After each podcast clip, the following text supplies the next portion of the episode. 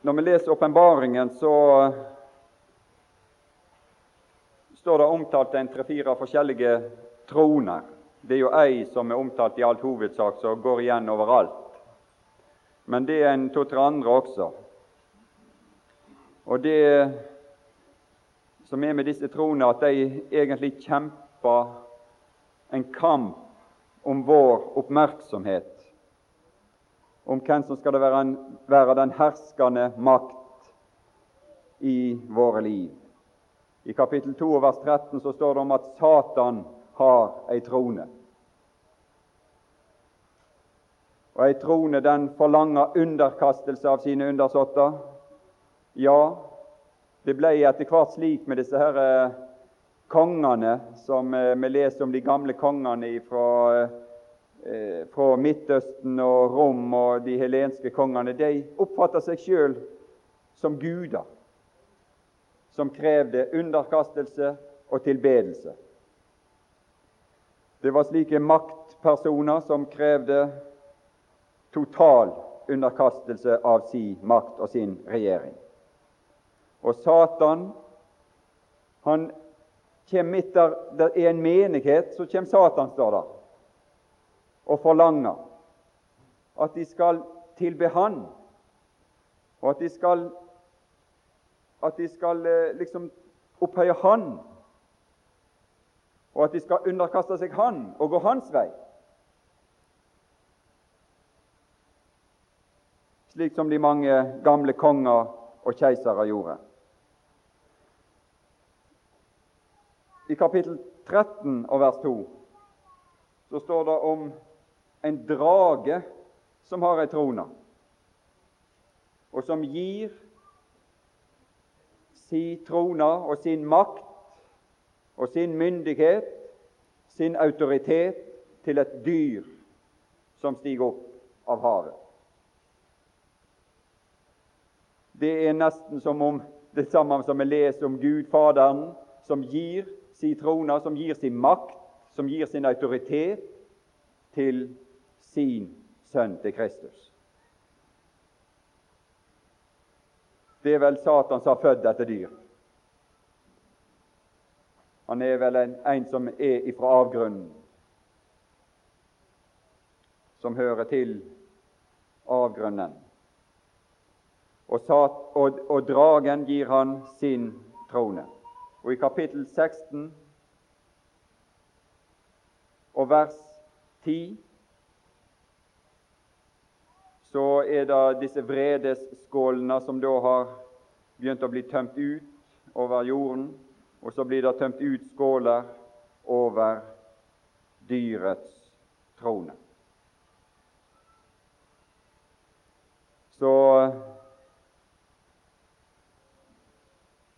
står det her dets rike ble formørket, og de Hvem er de? De tygget sine tunger av pine, og de spottet himmelens Gud for sine piner og for sine byller, og omvendte seg ikke fra sine gjerninger. Det er alle som har dyrets trone som sin, tro, som trone i sitt liv. Det er alle undersåttene i dette riket. Det er de som tilber der, og de som har bøyd seg for denne trone. Alle de opplever dette. Det er nemlig slik at når du er borger av et rike og underlagt en regjering, så deler du skjebne med det riket og den regjering. Det er slik i verden. Vi lever i Norge her, og vi har det veldig bra materielt og Gud har gitt oss en hel haug med rikdommer ute i havet her og oppe i fjellene og, og i, i, de store vidder med skoger og sånne ting, så vi kan selge nedover til europeere og sånt og tjene en masse med penger. Som eh, blir delt ut, en del av de til folket. Og som vi lever godt av. Her er andre som kommer fra andre regimer som ikke har det sånn. Det er ikke det at vi er så mye flinkere eller bedre, eller at vi har fortjent dette så mye mer, mer med enn f.eks. de som kommer fra Romania. Det har det seg ikke slik. Det er bare det at, at vi har vært i den situasjonen skal vi si, heldige fra den sida sett. at vi har hatt myndigheter og regjeringer som har ledet dem den vei og den retning i forhold til det de har hatt. Som i utgangspunktet har et mye rikere land med hensyn til jordbruk og, og naturressurser på mange måter. Men det er regjeringer som ødelegger disse mulighetene. Og folket må li, ta lidelsen. Og det som er saken, er at du og jeg skal dele evig skjebne med den trone vi tilber. Evig skjebne. Ikke bare skjebne her i verden. Vi skal dele evig skjebne med den trone vi tilber. Er det Guds trone, eller er det dyrets og Satans og dragens trone? Det er det som er det store spørsmålet, for det er der hovedkampen står. Det er ikke disse troner i denne verden som kan være bilder på det som foregår i den virkelige verden, den åndelige verden, som er den evige verden.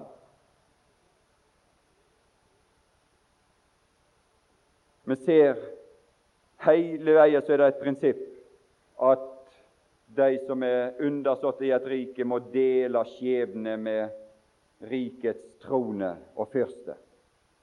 Hvis vi leser f.eks. i profeten Sefanias i kapittel 2.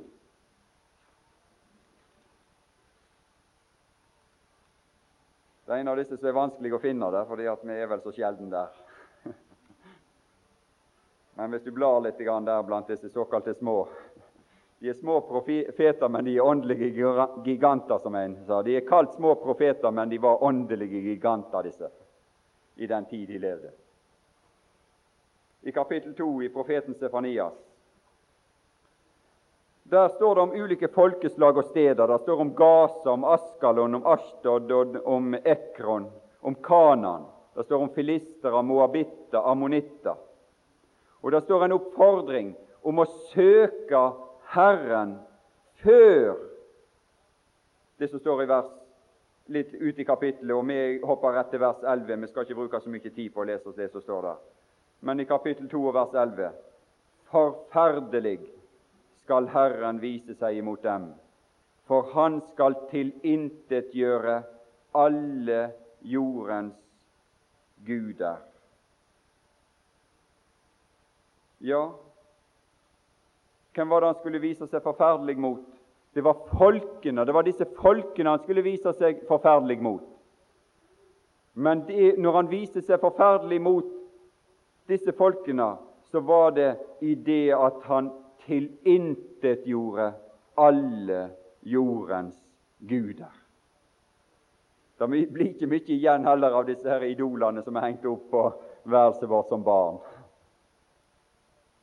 Om de var aldri så store idol, det blir ikke mye igjen av dem. Jo, jo, hvis vi ikke har vært i den heldige situasjonen som barn at vi har hatt kanskje et lite bilde av Jesus på veggen. Men det er så mange andre idol som kommer oppover veggene til barn og ungdommer. Tror det blir mye igjen av dem.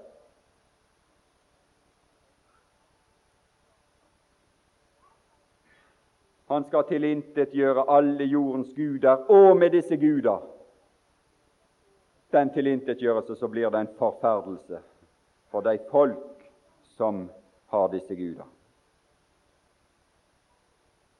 Og Det som er det store, store spørsmålet, det er hvem er det vi velger for vår del? Hører du på kallet fra himmelens Guds trone om å komme til Han? Kom til meg! Bli en borger i mitt rike. Skal vi se hva det skal bli til. Jeg skal gi deg framtid. Jeg skal gi deg håp, sier han. For det er jeg som er framtidens Gud og utenom meg så finnes det ingen framtid og ingen håp. Det er det der vi vil være. Og så har han vist seg fram i sine egenskaper, som vi begynte å si litt om i går kveld. Hvordan hans regjering er. Og han viser seg fram, og er, det, er så at, det er så tiltrekkende. Og likevel så bryr ikke de fleste seg, men velger heller dyret. Satan, fordi det er noe der som appellerer. i deres gamle menneske, i deres kjød.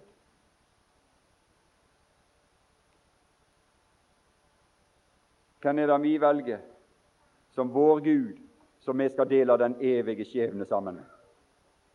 Vår trone, vårt rike, vårt borgerskap.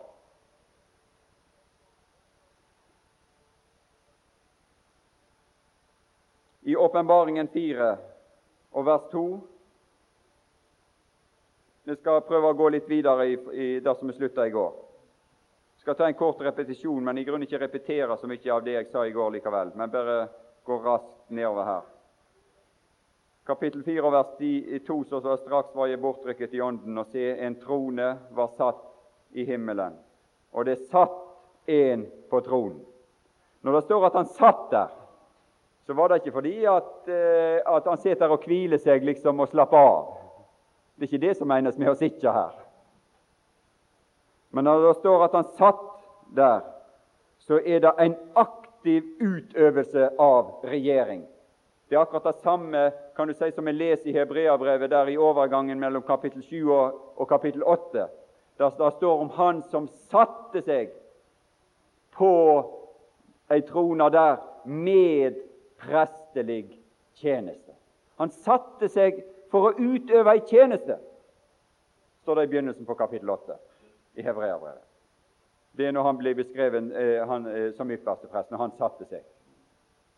Det står enda til at det er en hovedsak eller en hovedsum ved det som blir sagt der.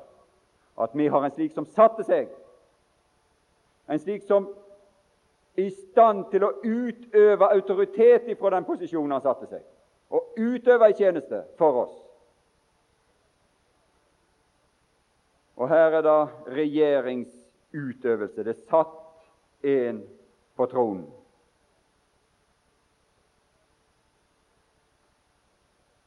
Vi leser videre om hvordan han var, der i vers 3.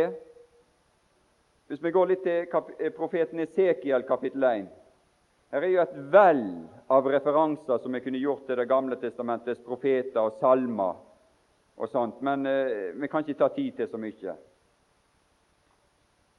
Men vi kan se i profeten Esekiel kapittel 1.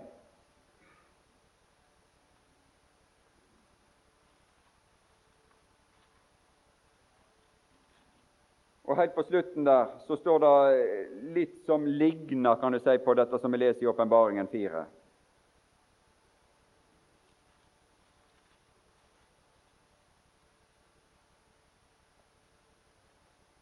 Ja, jeg, jeg, tror ikke jeg skal ta tid til å lese noe der, men eh, det kan du jo gjøre sjøl hvis du har lyst en gang senere. Men i slutten på kapittel, på vers 27, så står det om en strålende glans.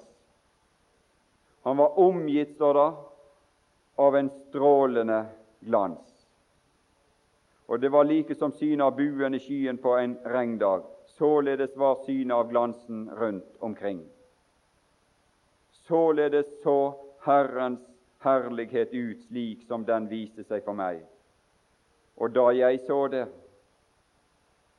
Og det er dette noe av det samme syn som profeten Esekiel fikk se, som vi inviteres til i åpenbaringen. Du og meg.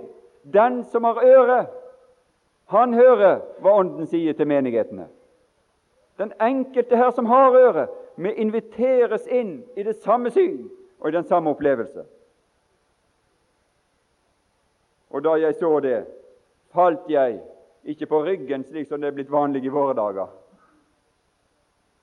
Det er så populært å, falle på ryggen og legge seg ned på ryggen. I våre dager det er blitt på moten enn det har vært på moten noen år nå i visse kretser. Og Det skal liksom være Guds inngripen i, i menneskers liv å falle på ryggen.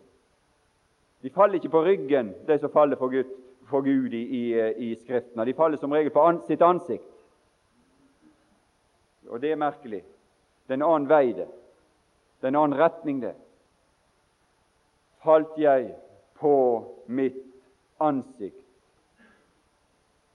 og hørte røsten av en som talte, og han sa til meg, menneskesønn, stå opp på dine føtter, så jeg kan tale med deg. Tronen vil tale med deg. Han har noe han ville sagt deg. Og så står det i vers 2 og det kom ånd i meg da han talte til meg, og den fikk meg til å stå på mine føtter, og jeg hørte på Han som talte til meg. Merkelig. He? Når Guds ord kom inn i hans øyre og inn i han, så står det at det kom ånd i han samtidig. Og det, det, er det som er Guds virkemåte. Det er slik han har gjort det. Når han taler Det står i åpenbaringen at det er Jesus som taler. Dette sier han, sier han i, begynner han til sin tale til menighetene. Dette sier han som Johannes hadde sett i sin herlighet i kapittel 1, han som var talt ifra tronen. Det var han som Peter sa Gud hadde opphøyd til tronen. Og så sendte han ned dette som dere nå ser og hører på pinsedag. Og så talte, taltes det ord til dette folket fra himmelen. Og så så de disse ildtungene som, som talte fra himmelen. Og så var det Ånden som talte der på pinsedag. Og så står det i Åpenbaringen 2 og 3 Den som har øre, han hører. Det som Jesus taler, ja, til menigheten, for det er jo hans tale. sant? Men høre det som Ånden, de sju Guds ånder som er for Guds åsyn, det som Ånden sier til menighetene. For det er nemlig Guds ord er nemlig kalt for Åndens sverd. Og det er slik at Når Guds ord går inn gjennom mitt øre og inn i meg, og jeg tar imot dette, så kan Ånden også få et redskap å jobbe med. Og Hvis vi avviser Guds ord og ikke vil høre Guds ord, eller stapper ørene våre igjen for Guds ord, så kommer det ikke noe ånd i oss som kan arbeide med dette ordet heller. Men det kom ånd i meg da han talte til meg. Da han talte til meg. Det er slik han virker i dag. Og det er den veien det må gå. Og det er den veien vi har å gå. Og vi må la denne mulighet skje i våre liv ved at vi innretter oss slik som Gud har sagt, og lar Han tale til oss. Og lar dette skje som åpenbaringen begynner med, som det står om den som hører det profetiske ord og tar vare på det som skrevet er.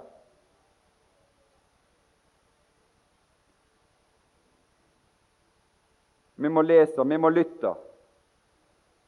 Og Når vi da åpner oss for Ordet, så griper altså Ånden fatt i Ordet for å gjøre Guds gjerning i oss. Og Han taler, som vi leste i kapittel 4 i Åpenbaringen og vers 5, at vi ser at han taler fortsatt ifra tronen. Det kan fortone seg for mange som lyn og tordener og, og slike ting, røster som det står her. Og Det har det alltid gjort hvis vi leser opp igjennom Det gamle testamentet, også i det nye, som skjedde over Jesus et par ganger, også med Paulus der utenfor. Så oppfatta liksom de som sto rundt, og som ikke hadde øyre for disse ting, de oppfatta det som noe bulder og brak. Og det er slik oppfatter de meg og deg òg av og til, våre kollegaer, og, og som vi kanskje får avlegge et vitnesbyrd for av og til. De oppfatter, nærmest at det som vi sier om Gud og disse evige tid, det er noe sånn, det er bare noe sånn bulder og brak og noen utydelige lyder. så De vet ikke hvordan de skal oppfatte det. Men så kan det under skje at plutselig så åpner Gud og Guds ånd, og så blir det en lydelig tale, som det ble til Moses der ved Sinai berg. Han talte lydelige ord. Ord, klare og tydelige ord, som ikke var å misforstå så talte han til Moses. Og det er derin han vil ha oss, slik at disse ordene som utgår fra hans trone, blir klare og tydelige, og ikke til å misforstå det som han sier. For han, det, det er slik han egentlig er, og det er slik han egentlig taler. Men Jesus sa, han talte i lignelser til folket for at de ikke skulle forstå. De som ikke ville høre, de som ikke var interessert, de som avviste hans ord. Så taler jeg i lignelser til folket sånn, for at de ikke skal forstås, for at det bare skal være noe bulder og brak. Men til dere er det gitt å åpne seg dette her, her sånn. og forstå himlenes rikes hemmeligheter. Dere er det gitt. Dere har forstand. Dere skal det åpnes for, slik at dette her kan tydes og lydes som tydelige ord. Lydlige ord. Og han taler enda fra tronen. Det er så mange. Du kunne lese f.eks. Salme 29. Jeg bare nevner det her. Du kunne lese Jobb 37, Salme 77, Salme 79, Sal, Andre Mosebok 19 osv. I, disse, I en del tilfeller her så er det liksom den evige trone, den faste, urokkelige trone, som berører denne verden. Og i berøring med denne verden så begynner denne verden å skjelve. Så begynner fjellet å skjelve, og folket skalv, og dyrene skalv, og alt skalv. Og Det er det som vil også vil skje med den ugudelige og synderen når han møter en gang den evige Gud, for han skal møte den evige Gud, han òg. Skjelving har grepet de gudløse, sier Esaias.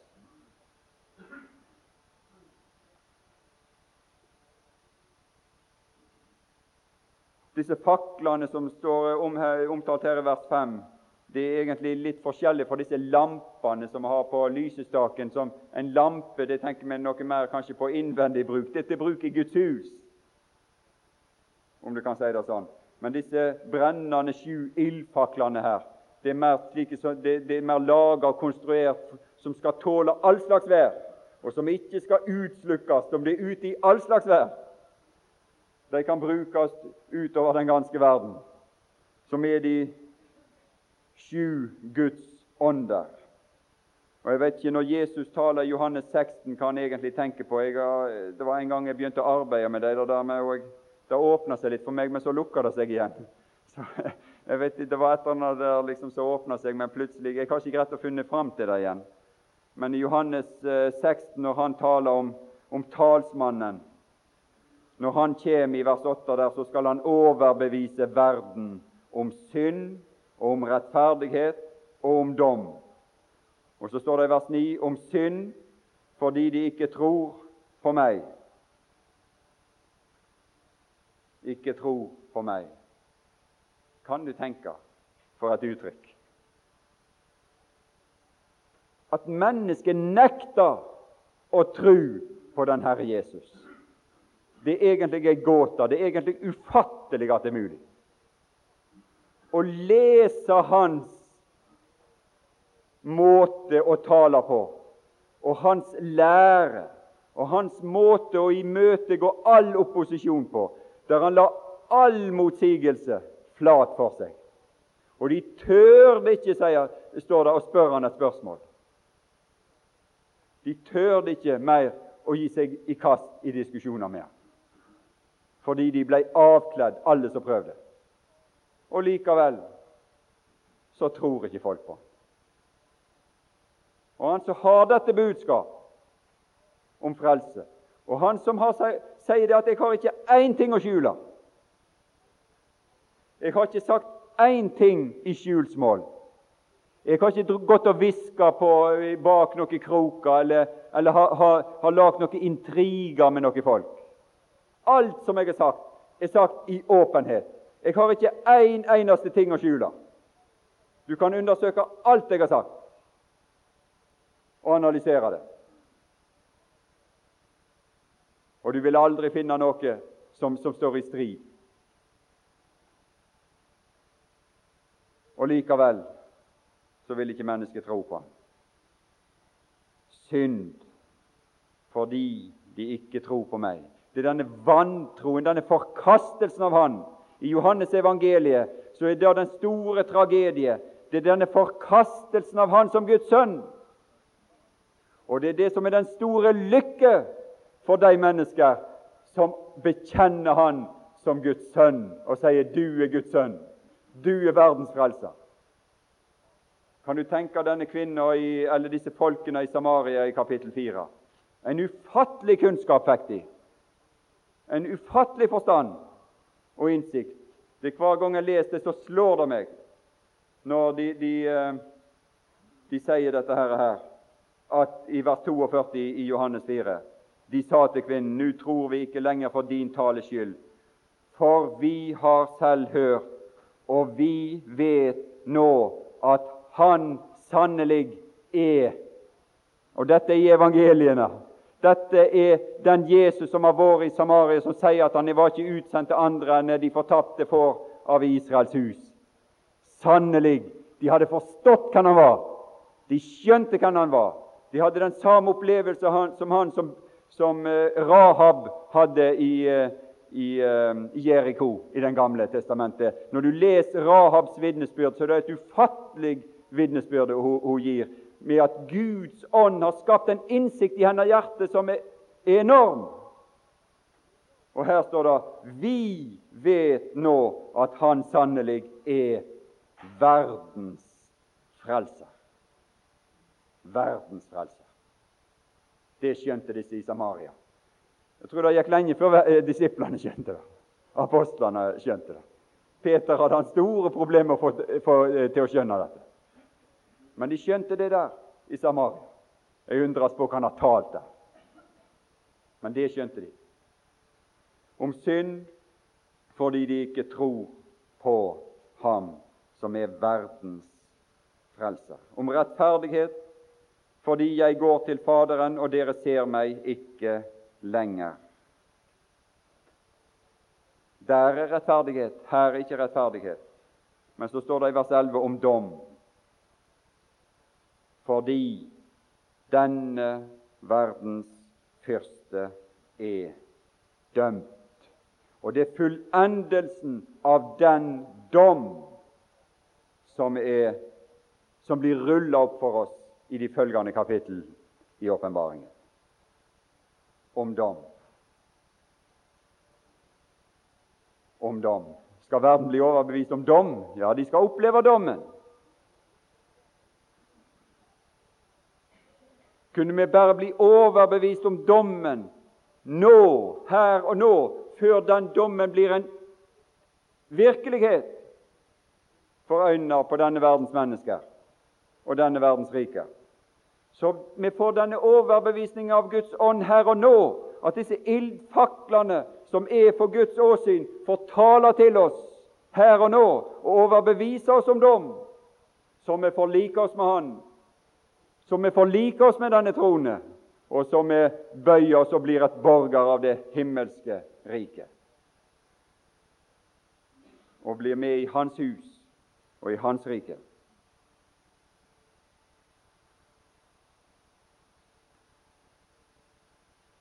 I 4-6 foran tronen er det like som et glasshav likt krystall.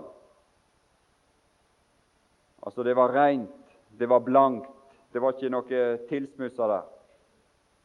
Nå, eh, hva dette havet er, jeg, jeg, vil ikke si så veldig mye om det. Det er jo Noen som mener kanskje at dette inne i, i tabernaklet, tempelet, så, så, var dette vaskeopplegget eh, som var der for prestene, og det som senere kom inn i Salomos tempelet, som ble kalt for havet, som ble båren opp av disse oksene osv. Kan hende det, det har noe for seg. Men eh, det som jeg tenkte på, eh, det var jo det at når vi leser sånn ellers om havet, om folkehavene, om havet, så er det, så det omtalt som noe urolig. Noe som, som roter opp skitt og lort. Vi har det f.eks. i dette kjente, eh, kjente uttrykket i Esaias 57. De ugudelige i slutten på Esaias 57, vers 20. Men de ugudelige er som det opprørte hav, det kan ikke være stille, og dets bølger skyller opp skarn og dynn. Det er ingen fred for de ugudelige, sier min Gud. Det står her det, det er det krefter som opererer i den ugudelige, som gjør at han umulig kan være stille. Det er ingen som kan legge havet. Det finnes ikke noe makt, det finnes ikke noen mennesker som kan bygge noe apparat eller et eller annet sånt som gjør at havet blir stille. De kan bygge båter og fartøy og plattformer og den slags som kan greie på en måte å takle de kreftene som er uti der. Inntil den såkalte hundreårsbølga kommer og tar hele greia. Og De forsøkte seg utenfor Bergen her med noen sånne eh, forskjellige kraft, De skulle prøve å få kraften ut av det. Etter noen år så brøt havets krefter ned hele greia, og det for til bunns. Og det var landets toppingeniører som hadde konstruert det hele. Men de hadde undervurdert kreftene i havet. En rår ikke med dem. Og det rota opp, står det her. Skarn og dynn.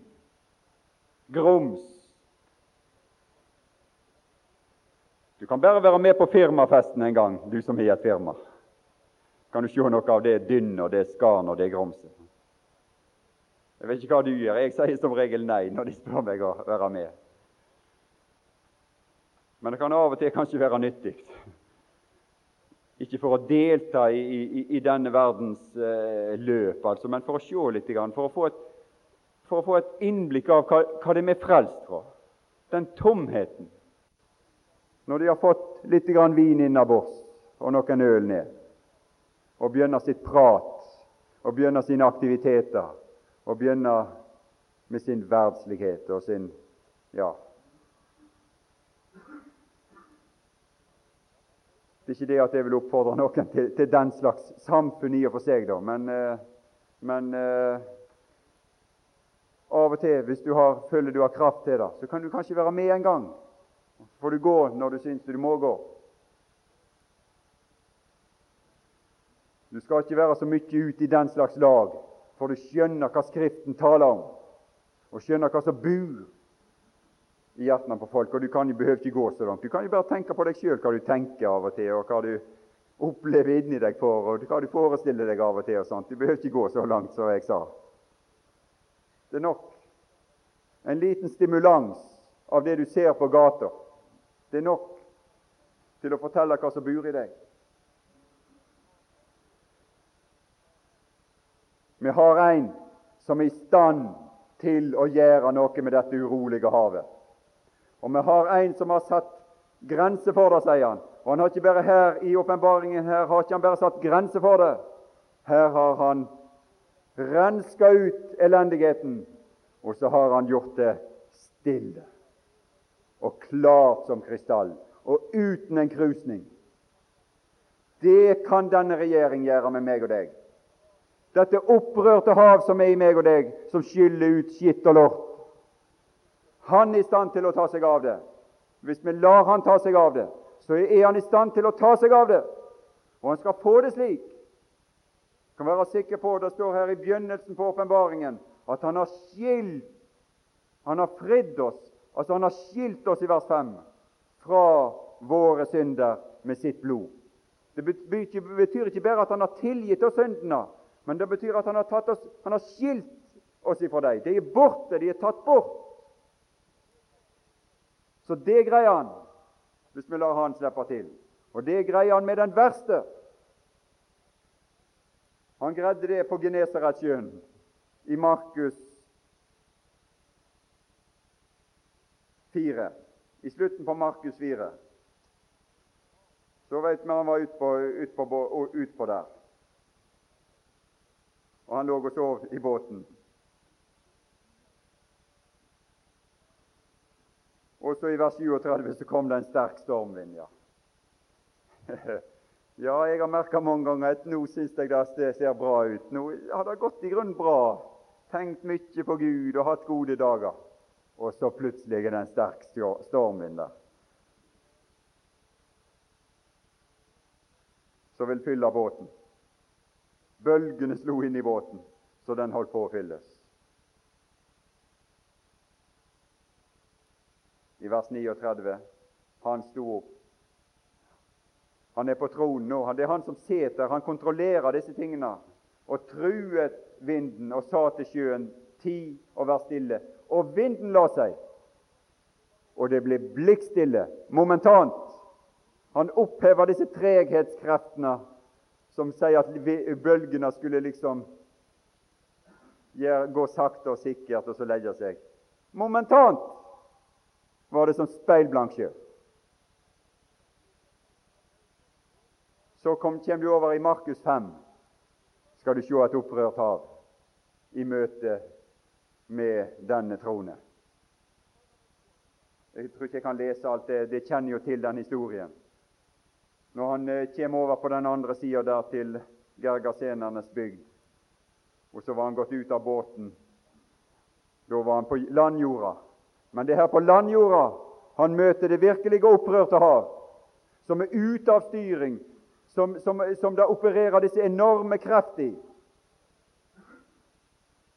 Det kom straks imot han ut av gravene en mann som var besatt av en urein ånd. Og Vi vet det var denne som ikke de, de, kunne gjøre noen ting med. Det fantes ikke menneskelige anordninger som kunne holde denne her i sjakk. Hvis de forsøkte seg med, med slike lenker og forskjellige teknologiske virkemidler å få kontroll over denne Han ødela alt. Det var krefter som de ikke kunne rå. Ingen, står det i vers 4 på slutten der, ingen kunne rå med han. Så kommer han i møte med Guds trones autoritet og kraft. Og det møtet er i stand til å legge havet og renske ut alt grums og urenhet og elendighet.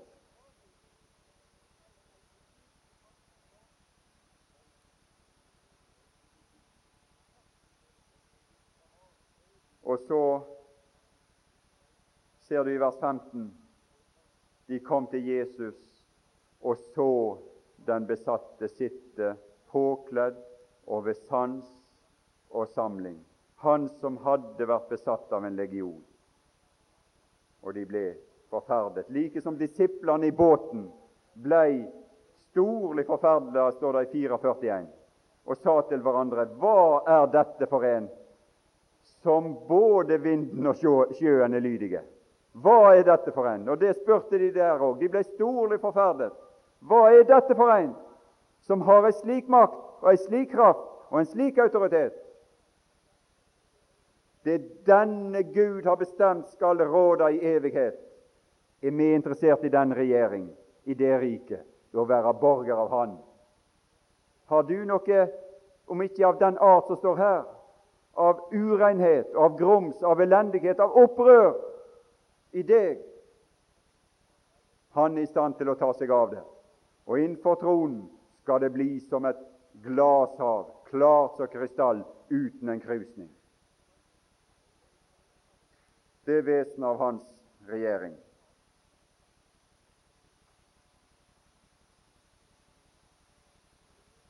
Et skinnende klart, som tåler lyset, som lyset skinner gjennom, der alt er åpenbart. Det er der det er godt å være. Du kan lese i Salme 89 om han som byder vinden, han som byder havet og byder bølgene. Vær still! og de blir stille. Det står også om eh, disse livsvesenene som jeg så vidt nevnte, som var fulle av øyne for og bak. Og Det står at de er rundt om tronen, og de er midt for tronen.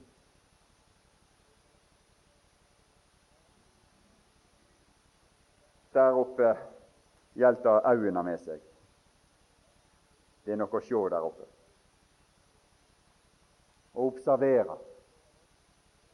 Og disse, disse vesen som det står om her, som er fulle av liv, de var òg fulle av øyne, øyne som så.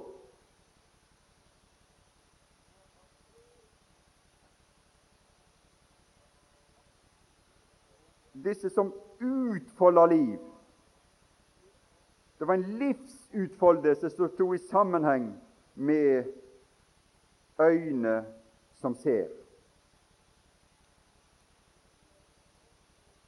De var for tronen, og de var rundt om tronen. De undersøkte og beskua denne tronen fra alle dens vinkler. De, de for rundt liksom sånn, og så sto de der også midt for tronen samtidig. Så de er både bevegelse og stille samtidig. Vi kan lese om noen slike øyne for vår del i Efeserbrevet 1.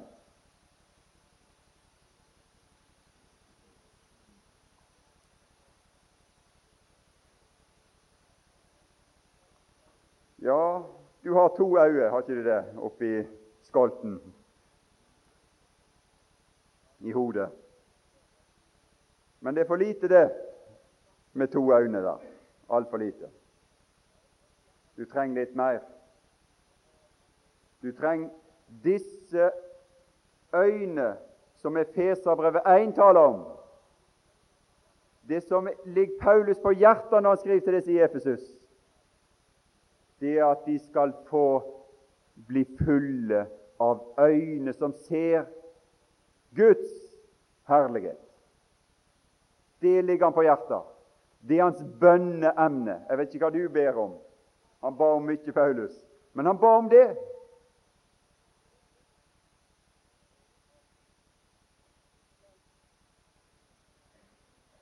I sine bønner i vers 16 og 17, vers 17 at vår Herre Jesu Kristi Gud, herlighetens Far, må gi dere visdoms- og åpenbaringsånd til kunnskap om seg, og gi deres hjerte opplyste øyne.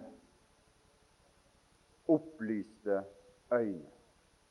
At hjertet vårt får øye. Og jeg tror Her dreier det seg ikke om ett, her er det så mange som mulig. At hele vårt hjerte blir fylt med øye som kan se disse ting. For øynene har med innsikt å gjøre, det har med forstand å gjøre. Og det har med å skjønne det som har med Gud og Hans vesen å gjøre, og Hans gjerning å gjøre.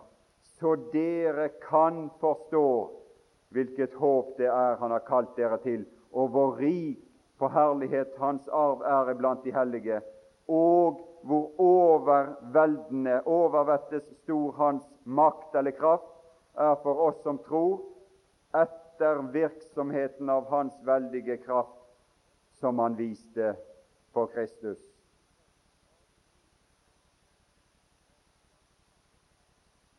Den makt, den kraft, som tok Kristus ifra de døde og plasserte han i himmelen på tronen. At vi må få opplyste øyne, som vi får innsikt i dette, som vi begynner å skjønne dette og forstå dette i våre liv.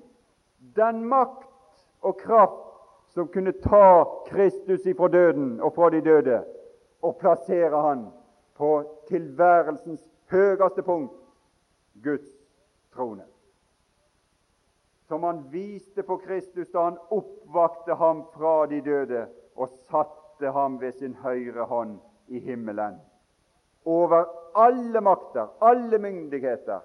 Det er ikke en eneste makt eller kraft som gjenst, eller velde eller herredom eller navn som nevnes verken i den nåværende eller den kommende verden, som er over han. Han la alt under hans føtter. Paulus ber om øyet for våre hjerter, så vi kan se dette. For, det, for jo flere øyne jeg får på, på, dette hjertet mitt, jo mer liv kan det utfolde seg i meg. For livet utgår ifra hjertet. Det er livsutfoldelse det er snakk om her. Livsutfoldelse.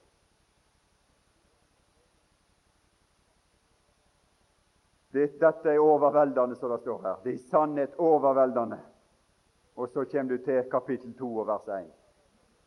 Og er det overveldende, det som står om Kristus, og den veldige makt og kraft som Gud viste på Kristus, så er det ikke mindre overveldende, det som står i begynnelsen på kapittel 2. For der står det at også du, også du, ikke bare Kristus, men også du som kom til tro på Han, er blitt gjenstand for den samme kraft, nemlig Du er tatt ut av døden, ut av dine synder og overtredelser, ut av den døden du var i, og du er brakt inn i den himmelske verden sammen med Kristus. Til evig liv.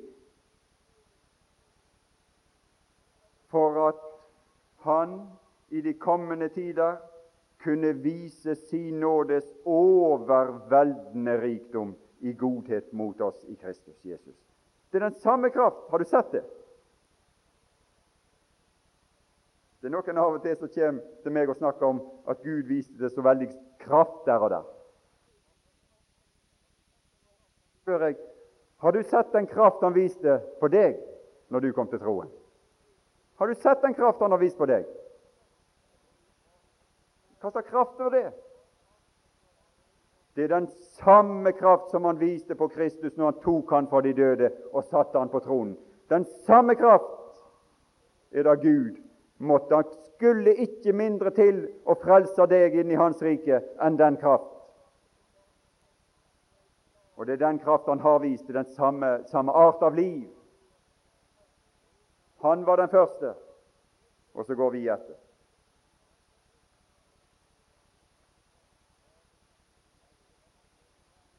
er det da makter, myndigheter, krefter, herrevelde, troner i denne verden som vi skal underlegge oss når, han, når vi er satt med Han der? Det burde ikke være det. Vi burde se på dette. Vi burde utfolde dette liv framfor tronen, så ikke disse ting i verden skal få overhånd over oss.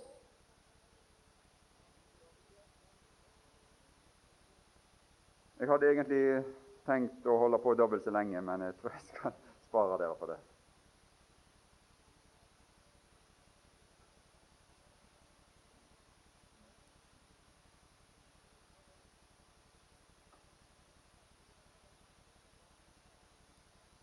I Åpenbaringen 11 og vers 7 så står det noe. Eller I Åpenbaringen 11 så står det om disse to vitner som døde. står det om to vitner som døde. Men Ja, og så ble det, så ble det gode greier, syns de i verden. Endelig ble de kvitt disse som plaga de med dette her elendige Guds ord, som gav de dårlig samvittighet. Endelig var det slutt. Endelig kunne de synde med god samvittighet. En herlig tilstand, syns verden. Uten at det er noe som plager de, uten at det er noe som stiller de til ansvar, uten at det er noe som taler om en Gud som skal kreve de til doms. Endelig ble de kvitt og fikk tatt tabben for disse to vitnene her.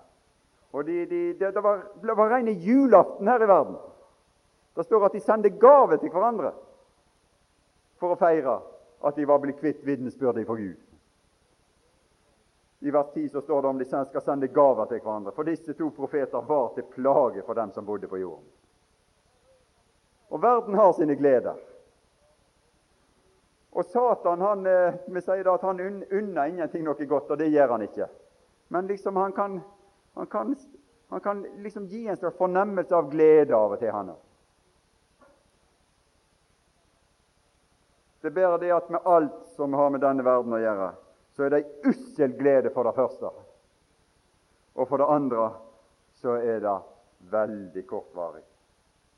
Etter tre dager og en halv så var det slutt. Det varte ikke lenge, det. Så kom det livsånde i Gud fra dem, og han reiste dem opp på sine føtter. Og det er en stor frykt falt, falt på dem som så det. Og så var det en stemme som løfta disse opp og inn i den himmelske verden. Og da var det noen som ble grepet av frykt i dette. her. De ble forferda, står det i vers 13. Og så var det noen, kanskje få, som gav himmelens Gud ære ved dette syn. Kanskje det skulle skje, kanskje det, det, kunne skje hvis det var noen som fikk høre dette her, som var utenfor. At Jesus kunne få ta deg og løfte deg ut av verden og døden og, deg, og løfte deg opp i himmelen og inn der. Han skal jo gjøre det med alle oss troende ganske snart, tror vi. Men Kanskje han skulle gjøre det nå, i troen nå, Og dette kunne være med et vitnesbyrd til omgivelsene som kunne være med å dra andre med seg. Det er glede i himmelen over en synder som omvender seg, står det. Du skulle unna himmelen den glede og omvende deg. Og Jeg håper det at det ikke bare er glede i himmelen, men jeg håper det er glede i far og mor og søsken og menighet og forsamling over én synder som omvender seg. Og at denne glede også kan være med å rive andre med seg. Vi har jo erfaring for det. At det kanskje er én person som omvender seg, og så det er et puff, og da blir det et drag også for andre. Og det er det vi ser her, at når disse stiger liksom opp til himmelen, så ble de forferda, og de gav himmelens Gud ære.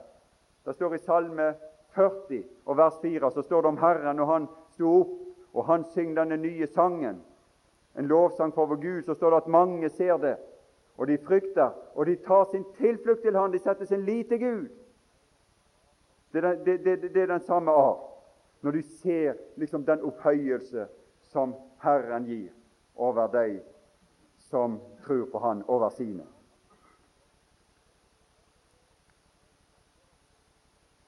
Kanskje en omvendelse, en oppstandelse fra død i synd og overtredelse skulle gjøre at det var noen som gav himmelens Gud ære. Måtte Han få gi oss opplyste øyne, så vi med hjertet skjønner dette, hva det betyr å være satt i himmelen med Han. Hjertet, ja. Hvor er det? Det er inni her. Jesus sier at det er der skatten din er. Det er der du har skatten din. Det kan godt hende du kan ha 100 millioner kroner i aksjer eller i banken. eller noe sånt.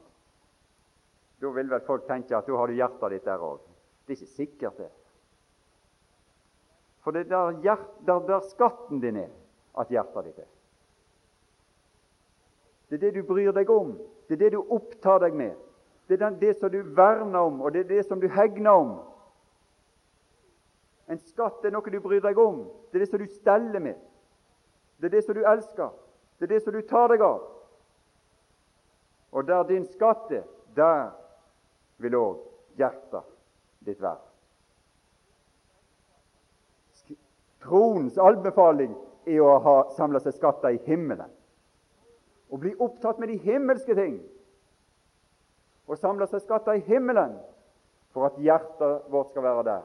Da kan det hende også at det kan skje noe av dette som Paulus ber så inderlig for meg og deg om, at herlighetens Gud må gi oss visdoms- og åpenbaringsånd til kunnskap om seg, og gi våre hjerter opplyste øyne som vi kan forstå, og få denne innsikt som disse livsvesenene hadde. En innsikt som gav seg utslag at de falt ned for Han som satt på tronen, og sa 'Hellig, hellig, hellig'. De opphørte ikke med det, verken dag eller natt. De tok ingen pause. Han var alltid, til alle tider, hellig, hellig, hellig er Herren Gud, den allmektige. Han som var, og som er, og som kommer. Det er Han som er alt. Det er Han som har gjort det.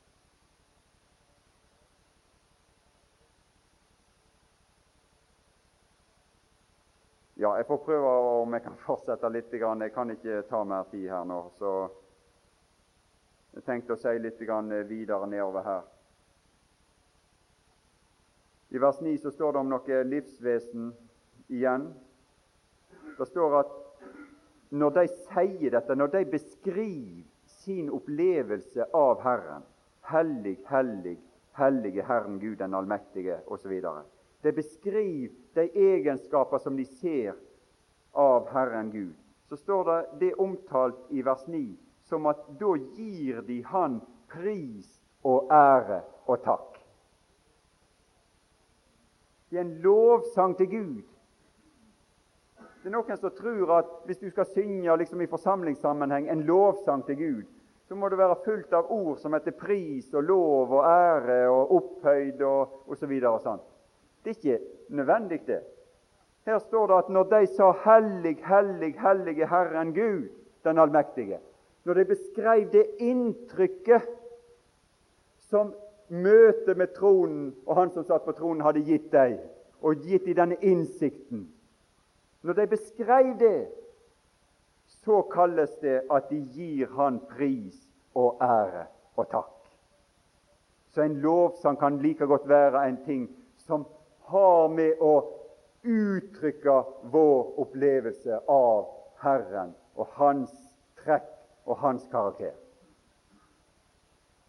Vi har jo mange eksempler på i salmene sånn at det er brukt ord som prisen og æren og takken osv. Sånn. Men det må være et grunnlag for det hele. Det må være et innhold i det hele. Det må være noe som ligger bak det hele. Hvis det ikke blir det en sånn bare noe du synger. Og så står det om de 24 eldste også, som kaster sine troner ned for tronen, som, tar, som, som, som får se dette her samme syn, og sier at han er verdig til å få prisen og æren og makten. For han har skapt alle ting, og fordi han ville, så ble de til, og ble de skapt. Og det er et uendelig godt ord for meg å vite at jeg er til fordi at Herren vil at det skal være til. Du er mange som er misfornøyd med seg sjøl, og kanskje litt misfornøyd med den måten Gud har gjort dem på. Det er et eller annet galt på det her og både der. Vel, vi skulle ikke være sånn. Fordi Han ville det, er vi til. Jeg er ønska av Gud. Du er ønska av Gud. Du er ønska i Hans nærhet. Du er ønska i Hans forsamling. Du skal aldri oppleve å komme til Han og oppleve deg uønska. Du skal aldri komme sutrende tilbake og si at 'de vil ikke ha meg der'. De vil ikke ha meg med. Minstemann som, som blir kasta ut av leken, f.eks. Og oppleve dette såra og være uønska. Du skal aldri oppleve å være uønska inn for Guds trone. Den som vil komme til Han, den tar Han imot. Og Han har villa at du skal komme til Han. Det er Han som har skapt deg. Og når Han har skapt deg, så, så, så gi deg til Han, og lev for Han, og lytt etter Hans ord, og innrett deg etter Han her i livet. Og du skal være for Han i evigheters evighet. Amen. Ja, vi kunne stemme i med disse livsvesen og de 24 eldste, vår far. Men vi skjønner vel ikke nok til å stemme i med dette kor hellig, hellig, hellig. Men vi vil i hvert fall si det til deg at er det noe som er verdig å få takk, og er det noe som er verdig å få ære, og er det noe som er verdig å få pris, så er det du. Og så er det din sønn som gjorde denne store frelsesgjerning for oss, og som åpna himmelens dør for oss, og som gav oss adgang inn i dette herlige riket der du regjerer.